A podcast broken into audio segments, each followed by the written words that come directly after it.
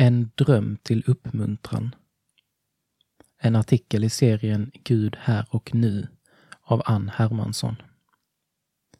För några månader sedan hade jag en dröm om en vän. I drömmen letade vi igenom en bokhylla i jakt på tidningar som han skulle använda för att dela profetiska ord med människor i sin närhet.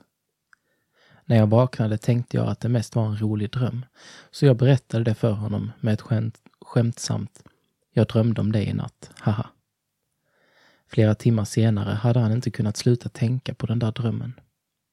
Faktum var att han den senaste veckan hade utmanats mycket i att våga lyssna in Guds röst i förbönssituationer och dela vad han upplevde att Gud ville säga till dem han bad för.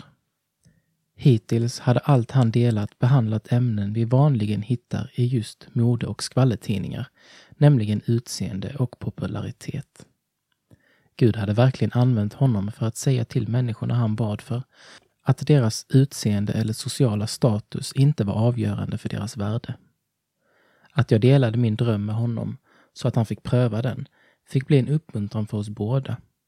För honom att fortsätta vara lyhörd för Guds röst och för mig att Gud även kan använda sig av drömmar för att uppmuntra och tala med oss.